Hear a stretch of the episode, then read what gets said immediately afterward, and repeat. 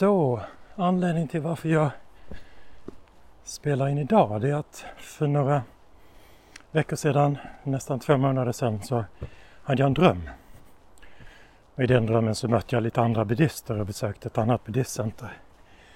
Um, och en sak som kom upp i den där drömmen det var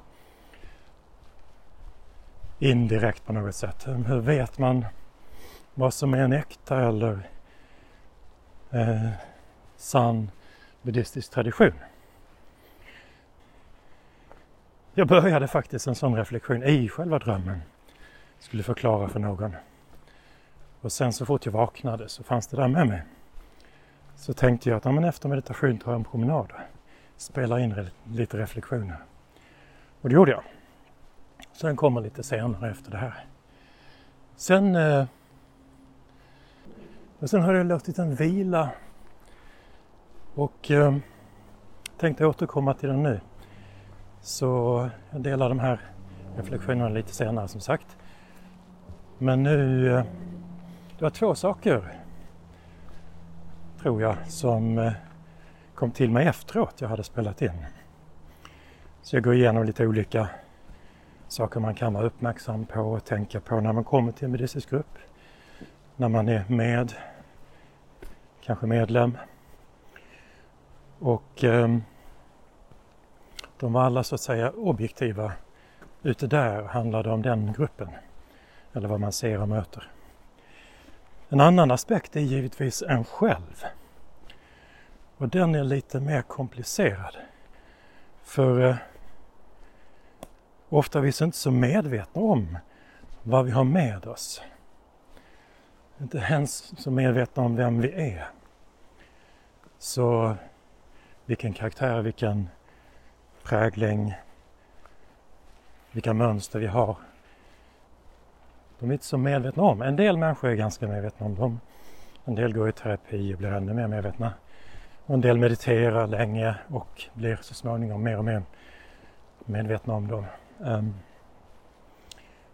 och uh, det här är också en aspekt som spelar in när man kommer till en buddhistisk gemenskap eller en tradition. För man ser genom sina egna ögon såklart, uppenbart. Men ens ögon är ju givetvis färgade av ens prägling och, och bakgrund och erfarenheter i livet. Eh, men också ens djupa eh, mönster, jag säger psykologiska mönster. Så man kan vara präglad av begär, gripande. Det kan vara ganska starkt i ens karaktär. Eller också av rädsla, eh, otrygghet. Eh, eller också kan det vara att vi liksom inte är särskilt medvetna. Vi, vi bara kör på i livet och det får ge sig. Så allt det här på subtila och mindre subtila sätt påverkar vad vi ser och vad vi upplever. Och vad ska man göra åt det då? Kan man fråga sig. Um, ja, man kan ju försöka vara medveten om det för det första. Och så när man har en upplevelse, en reaktion kanske, så kan man ju fråga, men vad är, vad är det som kommer från mig? Och vad är det som kommer från det jag ser, det jag upplever eh, utifrån, så att säga. Så det är en ganska intressant eh, sida. Och givetvis man, någonting man jobbar med i sin buddhistiska praktik. Men som sagt, det där är inte alltid så lätt att få syn på. Ja. Och ens vänner, om man är lyckligt lottad och har goda vänner så kan de också spegla en. Generellt så speglar ju hela livet en. Och man har en chans att bli gradvis mer medveten om de här sidorna hos sig själv. Så det var den främsta sidan. Jag sa två, men det kanske bara var den. Um. Så det var det. Så välkommen. Här är mina reflektioner idag. Och eh, ta dem som de är. de är liksom spontana. Jag kanske kommer göra någonting med dem så småningom. Skriva ner dem, göra en artikel eller hålla ett föredrag på Stockholms buddhistcenter eller något sånt. Tankar som jag hade med mig in när jag vaknade. Så jag låg en stund och funderade. Vad är det för tankar? Vad är det för, för saker man ska tänka på? Och eh, började sätta igång den där processen. Så jag tänkte att jag ska försöka skriva en sån där artikel. Troligtvis på svenska men eh, det kan ju vara någonting som kan vara intressant för en bredare internationell läsekrets. Det kan komma sen. Då. Jag tror det är enklare att översätta från svenska till engelska än tvärtom. Eh, och kanske flyter bättre på svenska. Ja, så lite tankar om det där. Um, så först, som jag sa till de där två buddhisterna jag pratade med på slutet, det var att uh, ja, hur ska man veta vad är, vad är dharma, vad är inte? Givetvis under ytan, under det kulturella. Och de där två buddhisterna hade en klädsel som var mer asiatisk. Lite olika på båda två. Eh, men ändå, ja. Så jag sa liksom under ytan på våra skillnader så finns ju samma dharma. Samma kärna på något sätt. Men så finns det olika uttryck för det. Ehm, ja. Och så det måste man ju först etablera liksom att vi finns olika traditioner, olika uttryck. Eh, olika traditioner ger uttryck för olika aspekter av deras lära. Kanske lyfter fram en viss egenskap. Kanske tillit, kanske energi, meditation, kanske visdom, kanske vänskap på den altruistiska dimensionen. Eller en kombination av olika. Men ofta är det ju så att olika traditioner är starka på ett spår eller ett uttryck. Ett framträdande uttryck. Och där minns jag en gång när vi hade ett gemensamt buddhistiskt firande i Stockholm. Så var Sante Porva, eh, sensei Sante Porva, han ledde det där och så inledde han med att säga Ja, ska ni ha tråkigt så ska ni komma till oss. Vill ni prata mycket ska ni gå till VBV eller Chiratna. Och vill ni ha lite hokus pokus och magi, då ska ni gå till tibetanerna. Och då skrattade ju folk. Eh, det var lite med glimten i ögat. Vill ni ha tråkigt? Jag vill ni bara sitta och meditera, titta på en vägg, inte snacka med varandra, inte kasta bort tiden, ha tråkigt. Då ska ni komma till zenbuddisterna. Vill ni prata och kommunicera, diskutera, eh, umgås, ja, skapa sanga då ska ni gå till Tiratna, eller VBV som heter då. Och vill ni ha puja, eh, magi, mantra, eh, massa ritualer, statyer och så vidare. Och då ska ni gå till de tibetanska buddhisterna. Där finns det. Så det var liksom en intressant sammanfattning. Man tog inte med Theravada-grupper. Eh, man tog med princip de tre kanske främsta traditionerna med konvertitbuddhister, västerlänningar som konverterar till någon form av buddhism. Och det är sen ja, typ tibetansk buddhism och Tiratna på något sätt är de främsta. Sen finns ju också Vipassana-gruppen. Eh, modern överföring av Theravada. Men den tog inte upp riktigt. Kanske inte så distinkta. Jag tror inte de var med heller då i gemenskapen som han själv. där. Ja, ja, hur som helst. Så det finns olika ingångar. Eh, vi har olika, ja lite skämtsamt som han sa, men också då framträdande eh, praktiker eller perspektiv. Eh, ja, rent av också sätt att beskriva och eh, kanske mer, även mer eh, övergripande beskrivningar av vägen och målet som kan skilja sig åt. Jag behöver inte gå in på detaljer där men ja. Så vad ska man tänka då när man kommer till Bodhisattva? Vad ska man tänka på? Och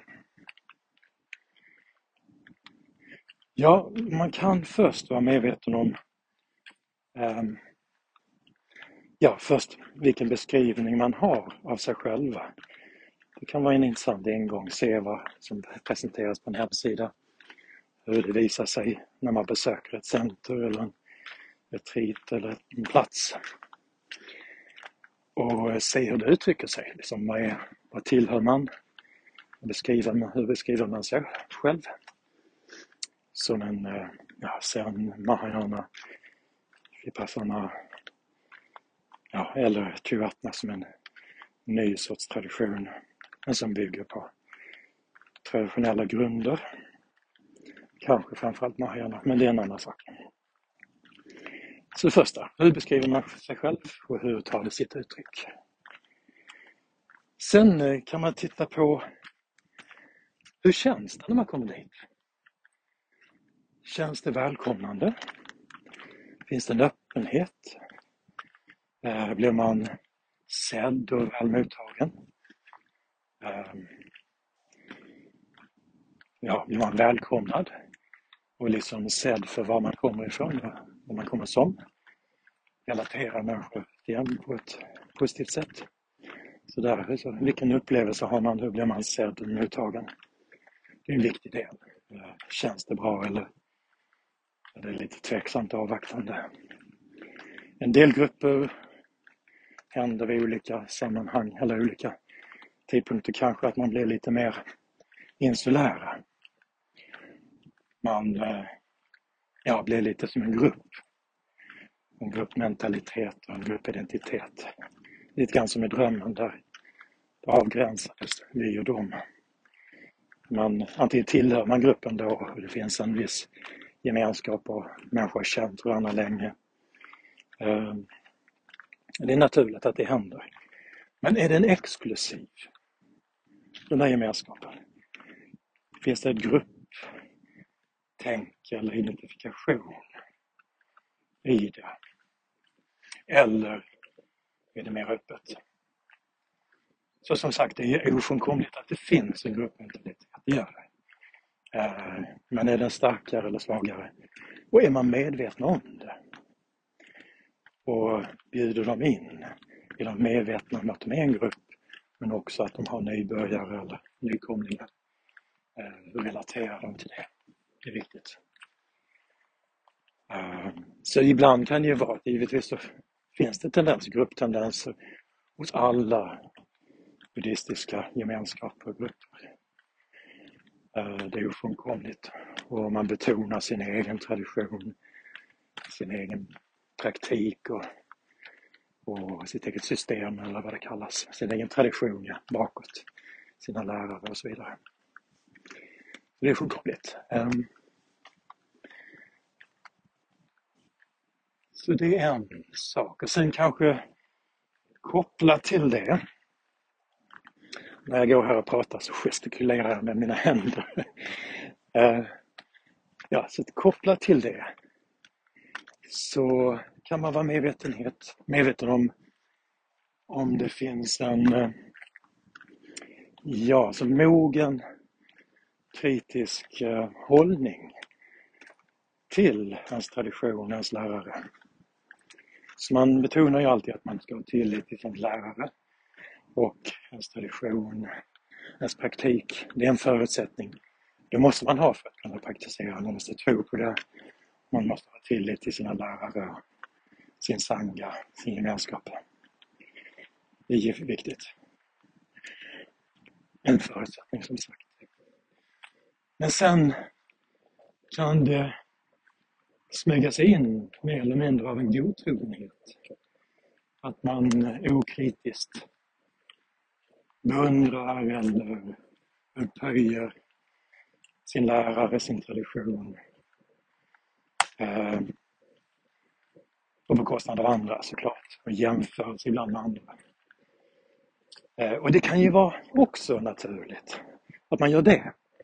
För man är så känslomässigt engagerad och identifierad med sin egen tradition. Men det där kan ju också leda till ett problem i förlängningen. Så man kan vara medveten om det. Finns det en, en eh, naiv godtrogenhet eh, bland människor? Eller finns det ett moget förhållningssätt både till ens tradition och ens lärare, eh, eh gemenskapen som man tillhör. Sen måste man, man måste vara lite försiktig för som jag säger så finns det där naturligt i, ibland och eh, en del människor kan vara väldigt godtrogna tillitspersoner som, som eh, ja, ibland har en tendens att sätta människor på piedestalen. Och det finns det alltid i en sanga, liksom en spektrum av människor. Så det kan ju finnas. Man ska titta inte bara på en person utan mer generellt. Är, är det här bara en eller är det ett, ett mönster? Um, och går man i försvar när någon ifrågasätter ens lärare, deras lärare eller någonting. Ställa en fråga kan vara en oskyldig fråga ibland. Så det kan vara något, något annat då att titta på godtrogenhet, mogen, mogen inställning och relation till eh, ens tradition och lärare.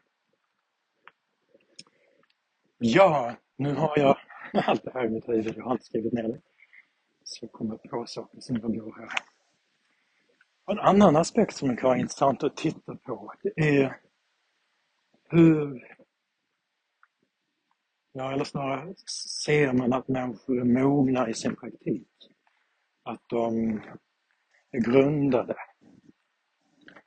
i sin buddhistiska praktik. Och då finns det olika aspekter av det. Det finns ju många gemensamma sidor men eh, som man kanske då främst ska titta på. Och den ena är ju liksom medvetenhet. Eh, är personerna medvetna? Har de en medvetenhet om sig själva, om andra, om sin miljö och hur de talar, hur de rör sig, hur de förhåller sig i situationen. Finns det en mognad, finns det en, en, eh, en närvaro, en, ett förkroppsligande av, av den, den kvaliteten och medvetenheten. Så det är en sak man kan titta på. Och sen en annan viktig undervisning i buddhismen, det är vänlighet. Som uttrycks på olika sätt. Mätta, kärlek och vänlighet eller medkänsla. Um, compassion eller eh, karuna. Um, eller också tillit. Det finns en stark tillit till, som är en väldigt positiv känsla. Finns det tillit till, har människor tillit till sig själva? bottnar de i sig själva. Uh, och det visar sig då hur de relaterar till andra. Hur de relaterar till dig som kommer till på ditt sätt. Så eh, känner man det ganska omedelbart. Det här är en människa som är grundad eller som kanske inte... Ibland händer det att människor är nyfrälsta och, och ja, sådär. Så det ja. Så medvetenhet, Mätta vänlighet, finns det det? Um, vad mer? Ja, en annan aspekt kan ju vara, känns det som ett levande sammanhang? Eh, är människor levande? Känns de eh, vitala? Eh, och inte bara liksom ett stort intellekt som kan sina saker och kan lägga ut filosofin och så vidare. Utan är de vitala? Känns de att de lever? Eh, både kroppsligen, eh, känslomässigt och andligen, om man kan prata om det. och sen mer djupare, något annat. Då finns det en annan touch av en annan dimension eller en annan eh, sida av människors praktik. Och den kan man ju tala om på olika sätt. Eh, många traditioner pratar om insikt. Eller eh, det talas på lite olika sätt i olika traditioner. Eh, finns det ett litet uppvaknande eller finns det ja, något. Så att personer i sangan, kanske framförallt lärare, en del lärare, inte, bara dem, som man känner i kontakt med något. Eh, och det är väldigt... Så jämte då de andra positiva sidorna som medvetenhet, kärleksvänlighet och tillit, öppenhet, så finns den här touchen av något annat. Finns den? Finns den tydligt i undervisningen? Det handlar inte bara om att bli en bättre människa eller bli hälsosam och lycklig och lyckas i världen. Det handlar om något radikalt nytt som då insikt står för. Och Eh, en sida som det, ett sätt som det beskrivs på, det är ju att man har sett igenom illusionen av ett jag, fast det fixerat jag. Eh, så det innebär att om man har gjort det till viss del så förhåller man sig mycket friare till sin, sin egen upplevelse. Man är inte så identifierad med mig och mitt, mina åsikter, min tradition, eh, ja, vad det nu kan vara. Min och mitt. Jag, min och mitt. Utan det finns mer en öppenhet, ja. Man vet, man vet om att allt det där är betingat. Tillkommer och kan förändras. Uppstår, vara en tid upphör. Så man kan vara medveten om den aspekten. Liksom. Finns den där, det är nästan lite magiska sidan i en tradition och hos människor. Ser man den, känner man någonting av den. Eh, och det är inte alltid man gör det, eller inte alla människor som gör det. Men för en del så kan det vara ganska viktigt och uppenbart att eh, det är det, det är det som gör all skillnad. Eh, buddhism är bra och det är trevligt och det blir statyer generellt är vackra och buddister generellt, det är ju trevliga människor. Eh, trots sitt rykte, trots eh, det här ryktet om undervisningen som baseras på för alla sanningar lidande, frihet från lidande, vägen dit, så, så är de flesta buddister positiva och glada. Det är bara att titta på Dalai Lama och kända buddhister. Det är klart de kan vara samlade, allvarliga, men det finns lätt till skratt och lätt till lite självironi, självdistans eh, och så vidare.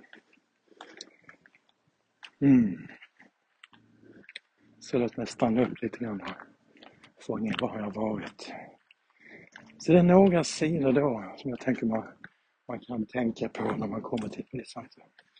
En annan aspekt som jag slår mig nu, det var jag mediterade med så kom jag på det här med pengar. Pengar är en viktig sak och en nödvändig del för vårt liv och för all världslig verksamhet. Även buddhistcenter behöver pengar, behöver betala hyran, man behöver sköta sin ekonomi, sina, sina olika avtal och vad man nu än gör. Lokaler kostar, retreatcenter kostar. Eh, mycket kostar. Och eh, som man, varje tradition har ju sitt sätt att hantera det där på. En del har medlemskap och medlemsavgifter. Eh, vilket vissa har. I Triatna har vi inte det utan vi har mer, mer frivillig, frivilliga donationer. Så vi uttrycker våra behov och sen så ber vi om donationer. Så får människor ge vad de kan, vad de vill. Men som sagt, det där kan vara lite olika. I Asien då, i Österlandet, så finns det en lång tradition av att man spontant ger mycket donationer. För det sägs gynna en i ens fortsatta liv och återfödelse. Så det finns en hel tanke bakom det. Och det är, men som sagt, det är väldigt inbäddat då. Och ibland så ser man det som fult att ta betalt, nästan smutsigt, att ta betalt för dharma, dharmaundervisning. Men och det kan ju fungera om det nu finns människor som är så spontant generösa och har pengar. Och det är inte alltid det är så lätt i Asien då. Bara en liten kommentar här så kan det bli att man blir beroende av vissa givare och deras, eh, ja var nu de kommer ifrån. Jag vet det har hänt i thailändsk buddhism. Då blir man beroende av makthavare och eh, det anpassar sig, eller risken finns att man anpassar sig efter deras pipa och, eh, ja, och, och så vidare. Ja. Ett litet sidospår. Men hur förhåller man sig till pengar? Eh, så det finns en naturlig del att man ber om stöd, man ber om pengar. Det gör alla. Det behövs. Eh, men kan man ändå komma? Kan man komma utan att man har mycket pengar eller känner sig riktigt redo att ge? Finns den dörren öppen? Eller måste man betala för att vara med? Eh, så hur förhåller man sig runt det där? Även det kan vara komplext för pengar är väldigt laddat. Eh, och precis som sex kan vara laddat i nu kommer jag på ett annat sak jag ska ta upp. Um, så ja, hur förhåller man sig till pengar? Och när så det kan vara lite krystat ibland, det har jag själv upplevt. Att man ber om, man kan ju bli desperat när det går dåligt. Att man behöver, nu måste vi få in pengar för vi har en hyra att betala. Eh, här går, ja. Under pandemin så klarar vi oss lyckligtvis bra våra medlemmar och sympatisörer gav fint till tror jag. Och vi klarade oss. Eh, men nu är vi inte riktigt ute i skogen än. Eh, för några år sedan, 5-10 år sedan, så, så, så fungerade verksamheten mycket bättre. Det, ja, det var bättre flöde och ekonomin var inga problem så vi behövde inte bekymra oss så mycket. Men nu har det blivit det. Då tror jag är gemensamt för många att det blir så. Då kan man bli lite desperat och ja. Så det måste man vara medveten om. Hur är läget liksom? Eh, och se liksom hur, hur förhåller man sig till pengar och att be om hjälp, be om stöd. Eh, så det känns rätt och bra. Ja, men samtidigt liksom vara, vara öppen för att ja, men människor begår misstag. Eh, kan bli lite desperata och sådär. Så att det blir fördömande. Det är inte särskilt buddhistiskt heller. Eh, då kan man bara notera det, men det är ganska dömande på de här människorna och hur de är och hur de beter sig. Så.